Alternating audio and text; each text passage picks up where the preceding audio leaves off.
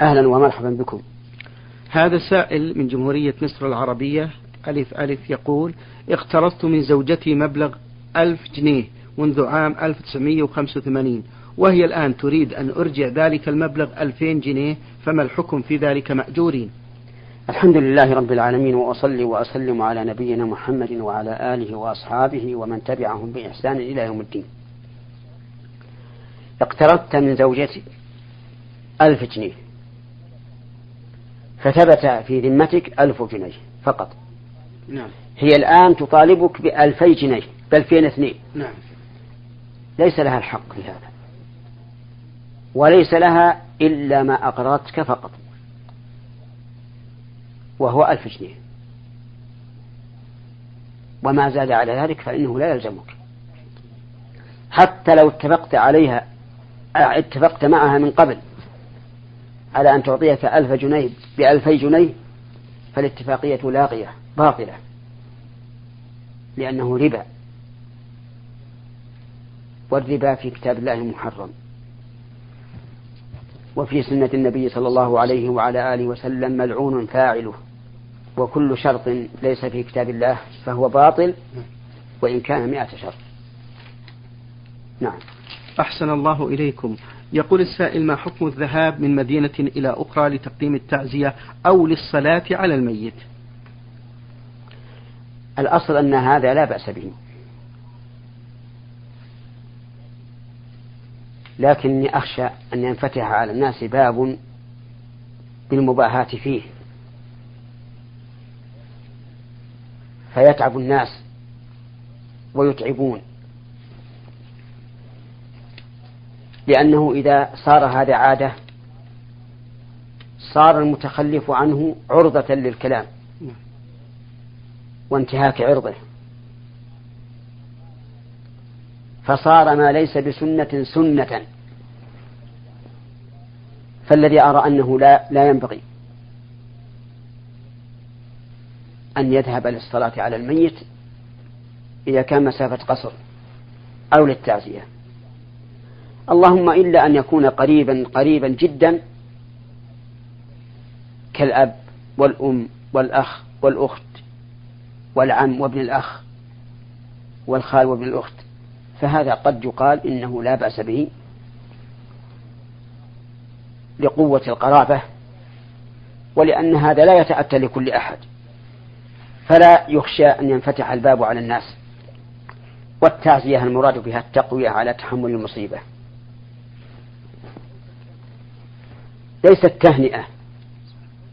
تطلب من كل واحد. بل هي تقوية للمصاب. أن يصبر ويحتسب.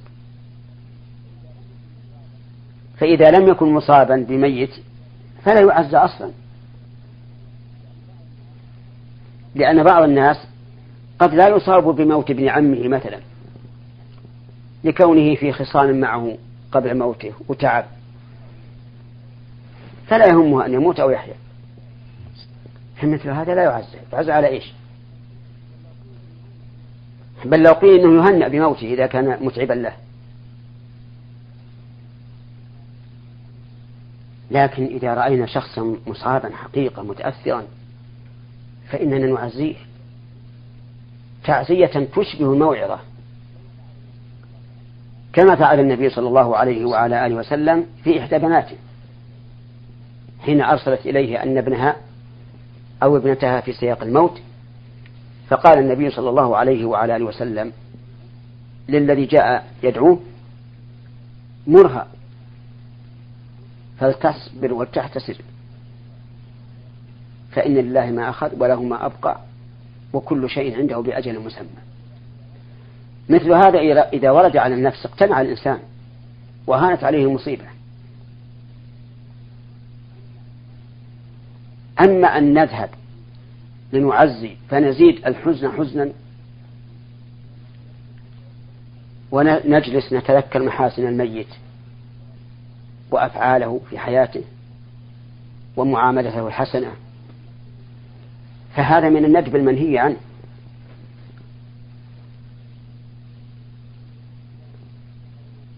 لذلك اتخذ الناس اليوم التعزية على وجه ليس بمشروع.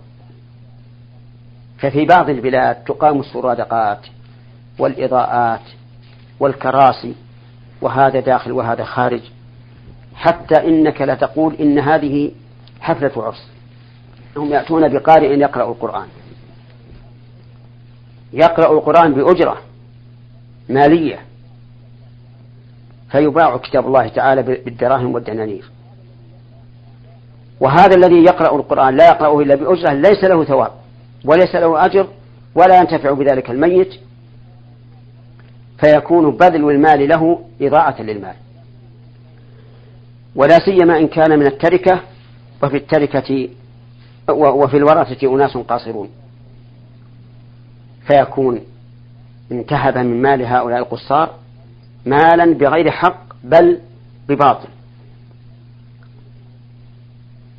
إنني أوجه النصيحة لإخواني إذا أصيبوا بموت أحد أحد أقاربهم أو أصدقائهم أن يتحملوا ويصبروا ويقولوا ما يقول الصابرون إنا لله وإنا إليه راجعون. اللهم أجرني في مصيبتي وأخلف لي خيرا منها. مات أبو سلمة رضي الله عنه عن زوجه عن زوجته أم سلمة وكان كانت تحبه حبا شديدا ويحبها. وقد سمعت من النبي صلى الله عليه وعلى آله وسلم أن من أصيب بمصيبة فقال اللهم أجرني في مصيبتي وأخلف لي خيرا منها أن الله تعالى يأجره في مصيبته ويخلف له خيرا منها. فلما مات أبو سلمة قالت اللهم أجرني في مصيبتي وأخلف لي خيرا منها. وكانت تقول في نفسها من خير من من أبي سلمة؟ يعني فكر من هذا الذي يأتي فيكون خيرا لأنه مؤمنة بأن قول الرسول حق وأنه لا بد أن يخلف الله عليها خيرا منها من أبي سلمة؟ لكن تقول من هذا؟ فلما انتهت عدتها تزوجها النبي صلى الله عليه وسلم. فكان الرسول صلى الله عليه وسلم خيرا لها من أبي سلمة بلا شك.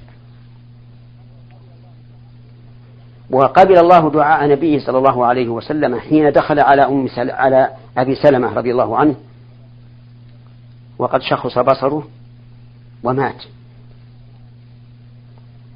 فرأى بصره شاخصا فأغمضه عليه الصلاة والسلام. وقال اللهم اغفر لأبي سلمة وارفع درجته في المهديين. وافسح له في قبره ونور له فيه واخلفه في عقبه. خمس دعوات لو وزنت بهن الدنيا لرجحت بالدنيا كلها. شيء منها علمناه لأنه لأنه شهد في الدنيا وهو قوله واخلفه في عقبه. فإن فإن الذي خلفه في عقبه رسول الله صلى الله عليه وسلم. تزوج أم سلمة وكان ابن أبي سلمة عمر وأخته تحت آه نعم ربائب للرسول عليه الصلاة والسلام. أما الدعوات الأخرى الغيبية فإننا نرجو الله تعالى أن الله قبلها كما قبل ما شاهدناه والحاصل أنني أنصح إخواني نصيحة لله عز وجل أن يدعوا هذه العادات التي ليست من هدي السلف الصالح والسلف الصالح والله خير منا في طلب التقرب الله عز وجل ونفع الميت. ما فعلوا هذا أبدا. وقد صرح علماؤنا الحنابلة وكذلك الشافعية ولعل غيرهم كذلك أن الاجتماع للتعزية من البدع. بعضهم لم يصرح بأنه بدعة لكن قال إنه مكروه. وإن شئتم فراجعوا كتب العلماء في ذلك حتى يتبين لكم. أسأل الله تعالى أن يهدينا صراطه المستقيم آمين. وأن يوفقنا لسلوك منهج السابقين الأولين من المهاجرين والأنصار. آمين. جزاكم الله خيرا فضيلة الشيخ. هذه السائلة هم تركي من الرياض تقول بأنها امرأة متزوجة ولديها سبعة من الأبناء والبنات وزوجها كثيرا ما يسافر إلى الخارج لغير حاجة. وإذا أتى يصبح عصبي المزاج ويتذمر إذا طلب منه شيء ولا يسأل عنها ولا عن أولادها وكأنها تقول ليست بزوجته. والصلاة لا يؤديها في المسجد فمتى قام أداها ولا يأمر الأبناء بالصلاة.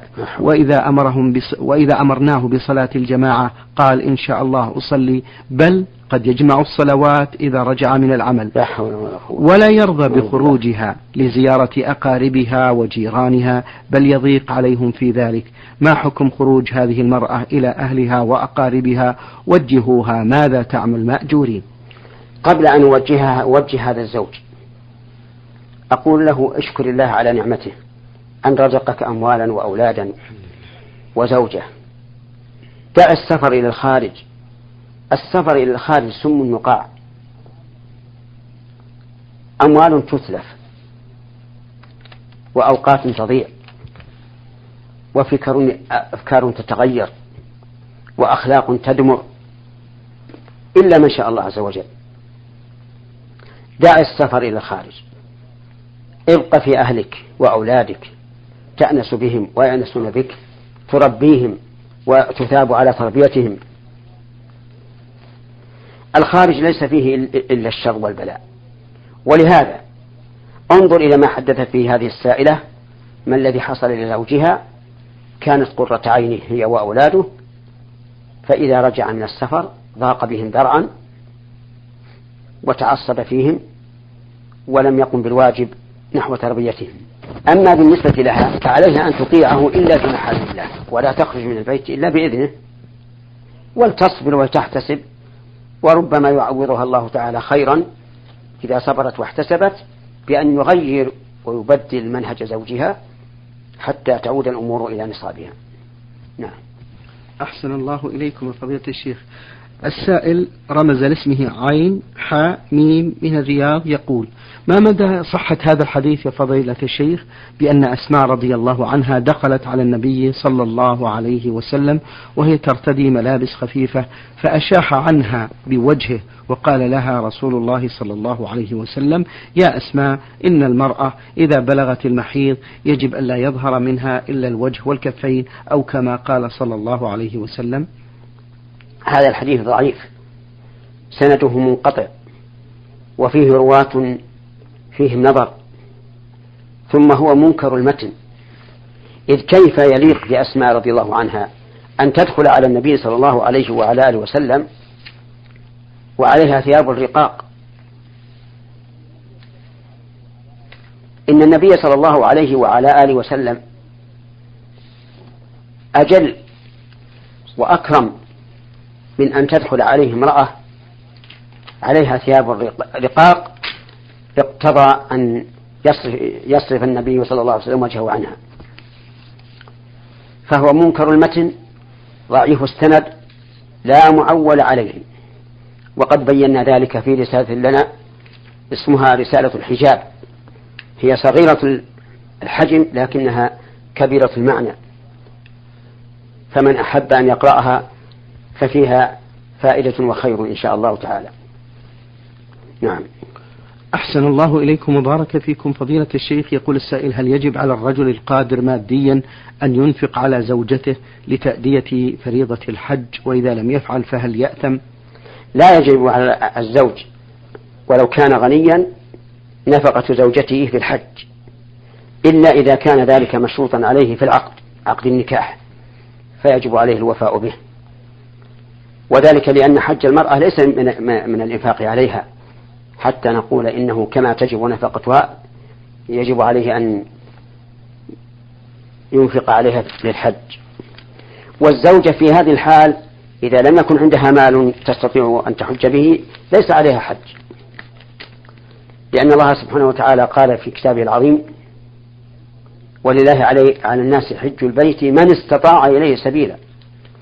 وكذلك جاء في الحديث الصحيح عن النبي صلى الله عليه وسلم أنه لا بد من الاستطاعة ومن ليس عنده مال لا يستطيع. فليستقر ذهن أولئك الذين ليس عندهم مال يستطيعون الحج به بأنه ليس عليهم حج. كما أن الفقير ليس عليه زكاة. ومن المعلوم أن الفقير لا يندم لعدم وجوب الزكاة عليه لأنه يعلم حاله أنه فقير. فكذلك ينبغي في من لا يستطيع الحج أن لا يندم وأن لا يتأثر لأنه ليس عليه حج أصلا. ولقد رأيت كثيرا من الناس يتأثر كثيرا إذا لم يقدر على الحج. يظن أنه أهمل فرضا عليه. فأقول استقر اطمئن. لا فرض عليك. أنت ومن أدى ومن أدى الحج سواء عند الله عز وجل لأنك أنت معذور ليس عليك جناح وذاك مفروض عليه أن يحج فقام بالحج. نعم من, من عمل العبادة أفضل ممن لم يعملها وإن كان معذورا. نعم. أحسن الله إليكم. هذا سائل من السودان يقول فضيلة الشيخ كان عندي أمانة مبلغ من المال لأحد الأشخاص ونظرا لحاجتي الشديدة له تصرفت فيه وضيعته في استعمالي الشخصي وقلت لصاحبه بأنه ضاع. ولكن الآن أريد أن أرد هذا المبلغ بعد فترة طويلة ودون أن يعلم هذا الشخص. فماذا أفعل مأجورين؟ هل أتصدق به أم ماذا أفعل؟ أولا تصرفك فيه بدون إذن صاحبه حرام عليك. وأنت آثم بذلك. غير غير مؤد للأمانة. وقد قال الله تعالى إن الله يأمركم أن تؤدوا الأمانة إلى أهلها. فعليك أن تتوب إلى الله. ولن تقبل توبتك حتى ترد المال إلى صاحبه. فعليك أن ترده إليه وأن تعتذر منه وتسترضيه. ولا فكاك له لك من ذلك إلا بهذا. حتى لو تصدقت به أو أعطيته إياه بدون علمه فإن ذلك لا يكفي. لا بد أن تعلمه وتقول له يا فلان إني احتجت ذات يوم وبناء على ما بيني وبينك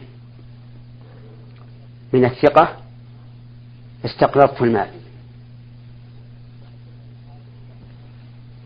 وأدت بالحاجة إلى أن أكذب عليك وأقول إنه ضاع فالآن أرجو منك السماح وهذا مالك وإني أرجو من من صاحبك أن يعذرك وأن يقبل عذرك لأن في هذا أجرا وثوابا عند الله تعالى. نعم. أحسن الله إليكم وبارك فيكم. هذا السائل علي آه، يقول في سؤاله هذا بعض الناس يقولون لا تقل ربنا ولك الحمد ولك الشكر في الرفع من الركوع. وهل هذا وارد أم غير وارد؟ أما قوله ربنا ولك الحمد فهو وارد ومعلوم. وأما زيادة الشكر فالأولى عدم زيادتها لأن الأدعية والأذكار الواردة على وجه معين لا ينبغي أن يزيد فيها الإنسان على ما ما جاء في السنة. لكننا لا نقول إن الإنسان فعل خطأ. بل نقول الأفضل أن يقتصر على ربنا ولك الحمد كما جاءت به السنة ولا يزيد على ذلك. نعم. يقول السائل بأن أحد الأشخاص قال له لا يجوز تسمية المولود إلا بعد أسبوع. هل هذا وارد أيضا؟ لا. المولود إذا كان اسمه قد هيئ من قبل فالأفضل أن يسمى من حين الولادة. وإن كان لم يهيأ فالأفضل أن يكون يوم السابع. دليل ذلك أن النبي صلى الله عليه وسلم قال حين ولد ولده إبراهيم رضي الله عنه قال لأهله ولد لي الليلة ولد وسميته إبراهيم. فسماه حين ولادته عليه الصلاة والسلام. أما في السابع فقال كل غلام مرتهن بعقيقته تذبح عنه يوم سابعه ويحلق ويسمى. والجمع بين الحديثين أن ما ذكرنا. إن كان الاسم قد هيئ فيسمى من حين الولادة. وإن لم يهيأ قبل الولادة انتظر حتى يكون اليوم السابع. يقول فضيلة الشيخ عندي نقود لرجل ولكنني بحثت عنه ولم أجده فماذا يجب علي أن أفعل مأجورين؟ إذا أيست منه ولم تعلمه له وارث فتصدق بهذه الفلوس عنه. ثم إن جاء يوم من الدهر فخيره قل له إني أيست منك وتصدقت بالدراهم. فإن أجزتها فالأجر لك وإن لم تجزها فهذه دراهمك, دراهمك والأجر لي. نعم. بارك الله فيكم فضيلة الشيخ شخص آه، مسافر يتنقل بين الطائف ومكة وجدة. هل يصح له أن يجمع الصلاة؟ نعم يصح له ذلك إذا كان أيسر له. فإن لم يكن أيسر فلا يجمع. وإن جمع فلا بأس. لأن الجمع للمسافر إن كان أيسر له فهو أفضل أن يجمع تقديما أو تأخيرا. وإن لم يكن أيسر فالأفضل ألا يجمع. وإن جمع فلا بأس. نعم. حفظكم الله يا فضيلة الشيخ يقول هذا السائل رجل عنده أولاد كبار موظفين وهو كبير في السن ويسكن في البر. هل يصح لأحد الأبناء أن يأخذ والدته عن أبيه ويتركه وحيدا؟ لا والله لا لا يحل. لا يحل له أن يفرق بين الرجل وزوجه. فإن فعل فهو عاق لأمه ولأبيه. والواجب أن يدع الأمور على ما هي عليه. ما دامت الأم راضية بما هي عليه من كونها مع مع زوجها في البر فليترك فليتركها. وليزرهما حينا بعد آخر وينظر ماذا عليهما من القاصر فيتممه. لأن الواجب على الرجل أو الأنثى أن يقوم ببر والديه سواء كان عنده أم في بلد آخر أم في البر. نعم. حفظكم الله السائل ميم سين با من الأحساء يقول هل يجوز في الدعاء ما بين الأذان والإقامة أن نصلي على النبي صلى الله عليه وسلم؟ فإن جاز ذلك فما صفة هذه الصلاة مأجورين؟ كل دعاء ينبغي فيه شيئان. أولهما الحمد والثناء على الله عز وجل وثانيهما الصلاة على النبي صلى الله عليه وعلى آله وسلم سواء كان فيما بين الأذان والإقامة أم في غير ذلك إلا أن الدعاء الذي في الصلاة يتبع فيه ما جاءت به السنة. فمثلا إذا جلس الإنسان بين السجدتين يدعو فيقول رب اغفر لي وارحمني إلى آخره ولا يحتاج إلى البدء بالحمد ولا إلى الختم بالصلاة على النبي صلى الله عليه وسلم لأن الصلاة شيء واحد. والإنسان إذا جلس للتشهد الأخير يصلي على النبي صلى الله عليه وعلى آله وسلم. نعم. يقول السائل ميم سين باء فضيلة الشيخ أنا مؤذن لجامع حي ومن العادة غالبا آه، أكون آخر من يخرج من المسجد ولكنني قبل خروجي نهائيا منه أقوم بالإشراف على دورات المياه والتفحص فيها وقبل دخولي فيها أخرج ما عندي من أوراق وكتيبات كتب فيها أسماء الله. يعني يخرج ما معه. نعم يا شيخ. في في ثوبه مثلا نعم. نعم يا شيخ. حتى المحفظة حتى لا أنال الإثم آه، بإدخالي لها. فهل عملي هذا صحيح أم هو مجرد مبالغة؟ لا هذا مبالغة. ولا حاجة إليه. نعم. حفظكم الله فضيلة الشيخ. يقول هذا السائل من جمهورية مصر العربية يا فضيلة الشيخ ما هي أركان الحج وما هي أركان العمرة؟ آه، ذكر العلماء رحمهم الله أن أركان الحج أربعة. الإحرام وهو نية الدخول في النسك والوقوف بعرفة وطواف الإفاضة والسعي. وأن أركان العمرة ثلاثة الإحرام وهو نية العمرة والطواف والسعي. شكر الله لكم يا فضيلة الشيخ وبارك الله فيكم وفي علمكم ونفع بكم المسلمين. أيها الإخوة المستمعون الكرام